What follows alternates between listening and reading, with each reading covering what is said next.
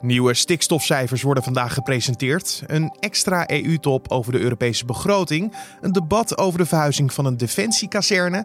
En het is de laatste dag van de parlementaire ondervraging over financiële stromen naar moskeeën in Nederland. Oftewel, dit wordt het nieuws. Ze hebben ook gezegd, wij hebben als voorwaarde gesteld uh, dat, dat de besturen zich er niet mee, uh, of dat de geldschieters zich niet mogen bemoeien. Um, en dan is het dus aan, aan de ander om te bewijzen dat dat wel zo is. De commissie die hier onderzoek naar doet, probeert beïnvloeding vanuit het buitenland aan te tonen. Maar dat is nog bijzonder lastig. Geld krijgen mag namelijk gewoon en het is niet verboden. Straks meer hierover met politiek verslaggever Avinash Biki. Eerst kijken we kort naar het belangrijkste nieuws van nu. Mijn naam is Carne van der Brink en het is vandaag donderdag 20 februari. De Duitse politie heeft de verdachte van de schietincidenten in de Duitse stad Hanau donderdagochtend dood in zijn woning gevonden. Woensdagavond kwamen acht mensen om het leven bij twee verschillende schietpartijen, die mogelijk door dezelfde persoon zouden zijn gepleegd. In de woning waar de verdachte werd gevonden werd ook nog een ander onbekend lichaam aangetroffen. Het onderzoek is nog bezig en de politie heeft geen aanwijzingen dat er nog meer verdachten zijn. De incidenten zouden zijn gebeurd bij twee shisha-bars. Over de toedracht van de schietpartijen is nog niets bekend. Twee passagiers die aan boord waren van het cruiseschip Diamond Princess zijn overleden aan de ziekte die het coronavirus veroorzaakt. Het gaat om een man en een vrouw die allebei meer dan 80 jaar oud waren. Voor zover bekend zijn 621 van de ruim 3700 passagiers aan boord van het schip besmet geraakt met het virus. En aan boord zaten ook vijf Nederlanders die naar verluid niet het virus hebben opgelopen. De Diamond Princess lag twee weken lang in de haven van de Japanse plaats Yokohama. En tijdens deze quarantaineperiode mocht niemand zomaar zijn of haar hut verlaten. Wel mochten de toeristen af en toe een luchtje scheppen, mits zij voldoende afstand van elkaar bewaarden. In 2019 vielen er negen doden en drie zwaargewonden bij spooroverwegen. Dat zijn vijf doden minder dan in 2018. Wel waren er meer aanrijdingen op overwegen. ProRail blijft waarschuwen voor roekeloos gedrag bij deze kruispunten. Het bedrijf zegt op toezichtcamera's te zien dat auto's, brommers, fietsers en voetgangers nog te vaak even willen oversteken als de spoorbomen gesloten zijn. Een woordvoerder van ProRail roept mensen op om te wachten tot de lichten uitgeknipperd zijn en de bellen niet meer rinkelen. De prehistorische bewoners van de Sahara leefden van onder meer meervallen en tilapia's. Dat schrijven Belgische en Italiaanse wetenschappers in het vakblad Plus One. Tegenwoordig is de Sahara een droog woestijngebied, maar ongeveer 10.000 tot 4.000 jaar geleden was het rijk aan water. In de grotten in het gebied vinden archeologen nog altijd de resten die de prehistorische bewoners er achterlieten, waaronder de resten van dieren, wat kan duiden op prehistorische maaltijden. De Nederlander Hans Hatenboer heeft woensdag een hoofdrol vervuld in de achtste finales van de Champions League met zijn club Atalanta Bergamo tegen Valencia. De middenvelder hielp zijn ploeg met twee doelpunten aan een ruime zege van 4-1. Verder heeft RB Leipzig met een 0-1 gewonnen van Tottenham Hotspur. Het was voor de Duitse ploeg de eerste keer dat ze speelden in de knock-outfase van het miljoenenbal. Nederlander Steven Bergwijn stond in de basis bij Tottenham Hotspur, maar kon het verschil niet maken voor de club. De Panamese politie heeft woensdag een zelfgebouwde onderzeeër gevonden met erin ongeveer 5000 kilo drugs. Aan boord van het vaartuig bevonden zich vijf Colombianen die allemaal zijn aangehouden. Ze hebben nog niet verteld waar de drugs vandaan kwamen of waar het naartoe zou worden gebracht. Volgens persbureau Reuters is het de eerste keer dat er in Panama een dergelijk vaartuig wordt ontdekt dat zoveel drugs kan vervoeren. En dan gaan we ons focussen op het gesprek van vandaag. Sinds vorige week maandag komen organisaties, onderzoekers, burgemeesters en deskundigen langs bij de Tweede Kamer om inzage te geven over de financiering van islamitische instellingen zoals moskeeën in Nederland. Worden zij beïnvloed door buitenlandse giften? Op die vraag wil de onderzoekscommissie graag een antwoord. Vandaag is de laatste dag van deze parlementaire ondervraging. En collega Julien Dom sprak hierover met politiek verslaggever Avinash Biki en vroeg hoe zwaar dit middel nou precies is. Een parlementaire ondervraging is een iets lichtere versie van de welbekende parlementaire enquête. de ondervraging wordt ook wel de flitsenquête genoemd. Dat betekent dat het ook iets korter duurt en de voorbereiding is ook iets minder intensief. Betekent wel dat de getuigen verplicht zijn te verschijnen uh, voor de commissie en dat ze onder ede verhoord kunnen worden. Betekent ook dat de commissie uh, documenten kan opvragen waar, uh, waar, de, waar de betrokkenen verplicht zijn die te leveren. Kijk, je, je hebt ook bijvoorbeeld ook een hoorzitting in de Kamer. Dat vindt regelmatig plaats. Ja. Daar kunnen genodigden nog een uitnodiging weigeren, maar dat is bij een parlementaire ondervraging niet de bedoeling. En nou wil de Tweede Kamer dus inzicht krijgen in buitenlandse geldstromen, naar moskeeën vooral. Maar wat hoopt de Kamer dan echt duidelijk te krijgen? Waar, waar zijn ze naar op zoek? De commissie wil dus inzicht krijgen in die buitenlandse beïnvloeding, mogelijke buitenlandse beïnvloeding van uh, moskeeën in Nederland. Zo zouden er geldschieters zijn uit Saudi-Arabië, Qatar, Kuwait, maar ook Turkije. Die op, uh, door geld te geven aan moskeeën of islamitische instellingen uh, zo hun invloed kunnen inkopen. En kunnen afdwingen dat er een bepaalde interpretatie of een bepaalde boodschap van de islam verspreid moet worden. En de aanleiding voor, uh, voor, de, uh, voor de verhoren uh, zijn berichten van NRC en Nieuwsuur. Die brachten naar boven dat er, dat er dus een lijst is bij het ministerie van Buitenlandse Zaken. En op die lijst staat heel goed gedocumenteerd welke moskeeën in Nederland allemaal geld hebben aangevraagd bij een buitenlandse geldschieter. En die lijst is geheim gehouden, terwijl de Kamer al jarenlang om inzicht vraagt. Maar mag dat dan niet, geld krijgen van een buitenlandse geldschieter? Dat is een beetje het probleem. Hè? Dus in principe mag dat gewoon. En dat is ook wat de moskeeën zeggen. Je mag gewoon geld ontvangen vanuit het buitenland. Het is namelijk zo dat uh, de moskeeën zich beroepen op een islamitisch gebruik. Dat voorschrijft dat je 2% van je inkomen afstaat aan liefdadigheid. En officieel en wettelijk gezien is daar niks mis mee. Dat mag gewoon.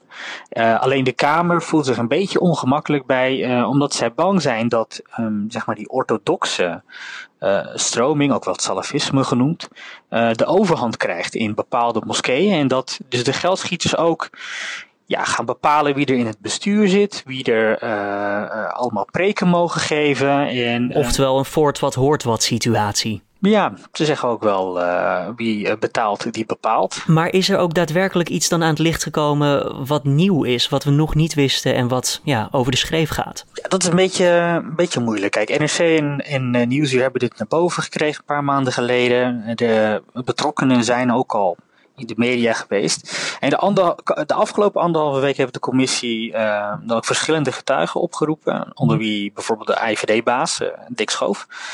Uh, maar ook de vicevoorzitter van de Raad van Marokkaanse Moskeeën, meneer Said ba, uh, Bouharu. En um, vertegenwoordigers van bijvoorbeeld die uh, Asuna Moskee in Den Haag. Maar ook de Utrechtse moskee Al-Fitr.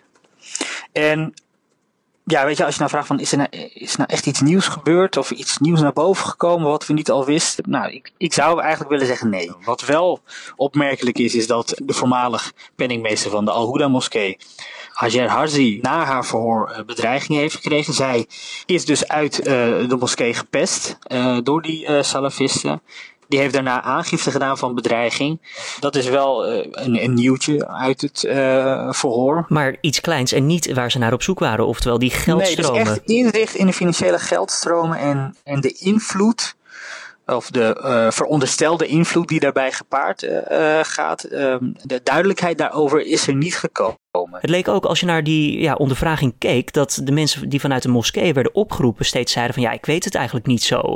kijk maar naar de penningmeester, kijk maar naar dit, kijk maar naar dat. Ik heb het antwoord niet wat jullie zoeken. Ja, dat, dat, dat klopt. Um, ja, ik weet niet of je dat de, de voorzitters kunt verwijten. Dat kun je misschien ook wel gewoon de commissie verwijten. Bijvoorbeeld de uh, uh, Asuna Moskee, maar ook de Alfita Moskee, die verwezen ook iedere keer voor inhoudelijke vragen over de financiële geldstromen, over de jaarverslagen, over hoeveel ze nou in de kas hebben zitten. Verwezen ze allemaal naar de penningmeester en dan houdt eigenlijk het verhoor vrij snel op. En je kan wel op zoek gaan naar bijvoorbeeld uh, financiële geldstromen vanuit Kuwait. Ja, dat wordt niet ontkend uh, door, die, uh, door die moskeeën. Ze zeggen ook van ja, we hebben gewoon uh, geld gekregen. Maar daar is niks mis mee. Um, ze hebben ook gezegd, wij hebben als voorwaarde gesteld dat, dat de besturen zich er niet mee, of dat de geldschieters zich niet mogen bemoeien. Um, en dan is het dus aan, aan de ander om te bewijzen dat dat wel zo is. Avi, rondom de Utrechtse imam Salam, die woensdag werd ondervraagd, dat, dat verliep eigenlijk alles behalve soepel. Hè? Kun je dat nog even toelichten? Ja, dat was denk ik wel de opmerkelijkste, het, het opmerkelijkste uh, verhoor of de ondervraging uh, van de afgelopen twee weken.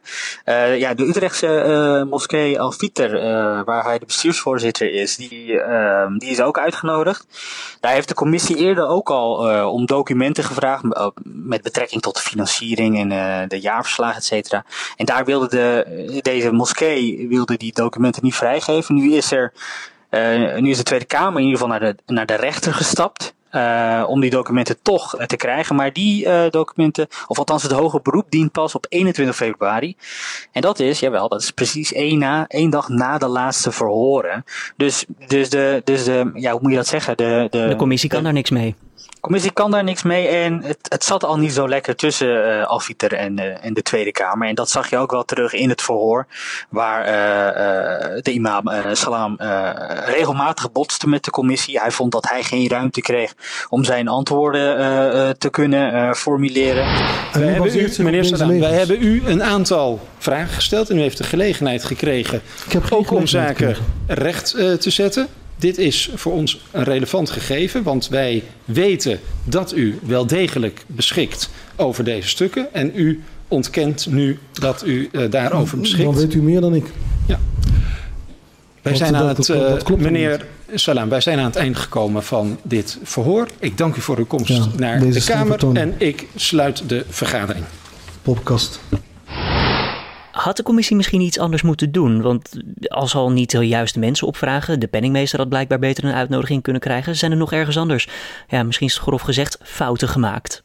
Nou ja, fouten is een beetje een groot woord. Maar er is wel natuurlijk wel kritiek geweest op de, op de commissie. Vanuit de islamitische gemeenschap hoor je ook uh, dat zij vinden dat eh, de islam op het, uh, in het beklaagde bankje zit. Zij vinden dat, uh, dat als je buitenlandse beïnvloeding onderzoekt, um, dat je dat dan niet alleen op moskeeën moet richten, maar bijvoorbeeld ook op um, christelijke instellingen of alle geloven. Joodse instellingen, alle geloven, alle vormen van buitenlandse beïnvloeding. Ja, daar is niet voor gekozen. Een ander kritiekpunt op de commissie is dat, nou, die, die lijst, we hadden het er net al over. Uh, die lijsten die het ministerie van Buitenlandse Zaken heeft. Dus die, die zijn niet opgevraagd. En als je als commissie wil weten hoe verloopt dat dan? Hè? Uh, hoe verloopt zo'n geldstroom dan? Is er een contactpersoon bij de ambassade van Kuwait of wat dan ook? Nou, dan zou het ook handig zijn als je, als je vertegenwoordigers van Kuwait in Nederland uh, ondervraagt. Avi, lijkt het dan alsof deze, dit onderzoek als een nachtkaars uitgaat? Nou, dat, dat moeten we nog zien. Um, de commissie komt naar verwachting eind april met een eindverslag. Dat zal niet een uh, eindrapport met conclusies en aanbevelingen zijn, zoals dat bij uh, de parlementaire enquête wel het geval is. Ja, daarna, uh, na dat verslag volgt er een debat. Um, maar ik vraag me sterk af waar ze mee komen uiteindelijk. Kijk, Dick Schoof van de AIVD, maar ook oud-burgemeester van Den Haag, Paulien Krikke, die hebben ook al gezegd uh, het ontvangen van donaties vanuit het buitenland is gewoon niet verboden. En je kunt niet um, uh, onderscheid maken tussen islamitische instellingen en andere instellingen, bijvoorbeeld christelijk of joods of wat dan ook, uh, om geld te ontvangen vanuit het buitenland. Um, wat wel zo is, daar lijkt iedereen het wel over eens te zijn, is dat de greep die een kleine groep salafisten krijgt op moskeeën, dat dat een probleem is. Maar goed, dat is een andere onderzoeksvraag dan uh, of er sprake is van ongewenste beïnvloeding vanuit onvrije landen. En um, ja, misschien dat ze daar een keer een uh, parlementaire ondervragingscommissie over moeten op, uh, optuigen. Politiek verslaggever Avinash Biki hoorde in gesprek met collega Julien Dom. En dan duiken we nog even in de nieuwsagenda voor vandaag. Want in Den Haag worden vanmiddag alternatieve stikstofcijfers bekendgemaakt.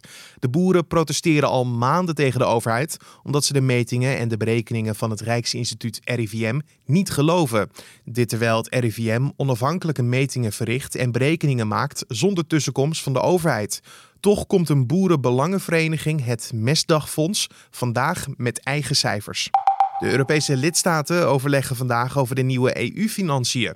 Door het vertrek van de Britten zit er een groot gat in de begroting. Maar onder andere Nederland wil niet meer geld gaan uitgeven aan de EU, liever juist minder. Verder wil Nederland dat er voortaan meer geld wordt uitgegeven aan klimaatbestrijding, migratie en innovatie. Terwijl een land als Frankrijk juist wil dat er meer geld naar de landbouw gaat. Kortom, het belooft een verhitte discussie te worden. En de Tweede Kamer debatteert vandaag over de verhuizing van een marinierskazerne. Die zou al jarenlang naar Zeeland verhuizen, maar uiteindelijk koos het kabinet toch voor Gelderland. De Kamer wil naar verluid vandaag de staatssecretaris van Defensie, Barbara Visser, op het matje roepen. Onder meer de SGP zegt dat ze het vertrouwen in haar zijn verloren, doordat ze zich niet aan haar belofte hield. En vanavond is er weer Europees voetbal. Twee Nederlandse clubs mogen vandaag hun kunsten laten zien in de tweede ronde van de Europa League.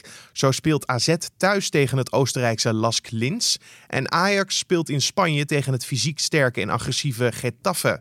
De Amsterdammers spelen om 5 voor 7 en de wedstrijd van AZ begint om 9 uur. En dan nog even het weer. Het wordt een regenachtige dag met vrij krachtige tot stormachtige wind.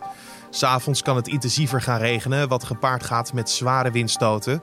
De temperatuur kan vandaag oplopen tot 10 graden. En om af te sluiten een opmerkelijke rechtszaak van deze week. Want een atheïst in de Verenigde Staten heeft deze week een rechtszaak gewonnen tegen de overheidsinstantie in de Amerikaanse staat Kentucky, die kentekenplaten verstrekt aan particulieren.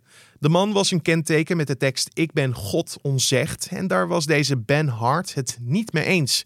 Het Kentucky Transportation Cabinet had zijn aanvraag in 2016 voor de kentekenplaat geweigerd, omdat het de interne antidiscriminatierichtlijnen schond. De rechter was het met Hart eens dat dit niet klopte en oordeelde dat de weigering in strijd is met de Amerikaanse grondwet. Dat stelt dat de overheid de vrijheid van meningsuiting van burgers niet mag belemmeren.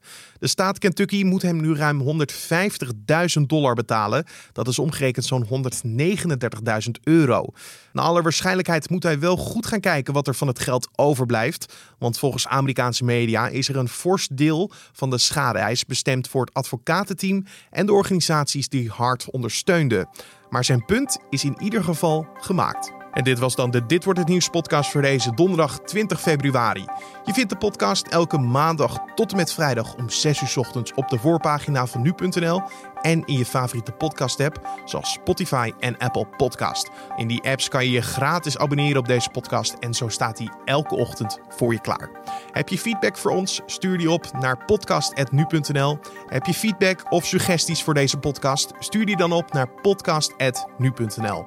Mijn naam is Carne van der Brink. Voor nu wens ik je een hele fijne dag en tot morgen.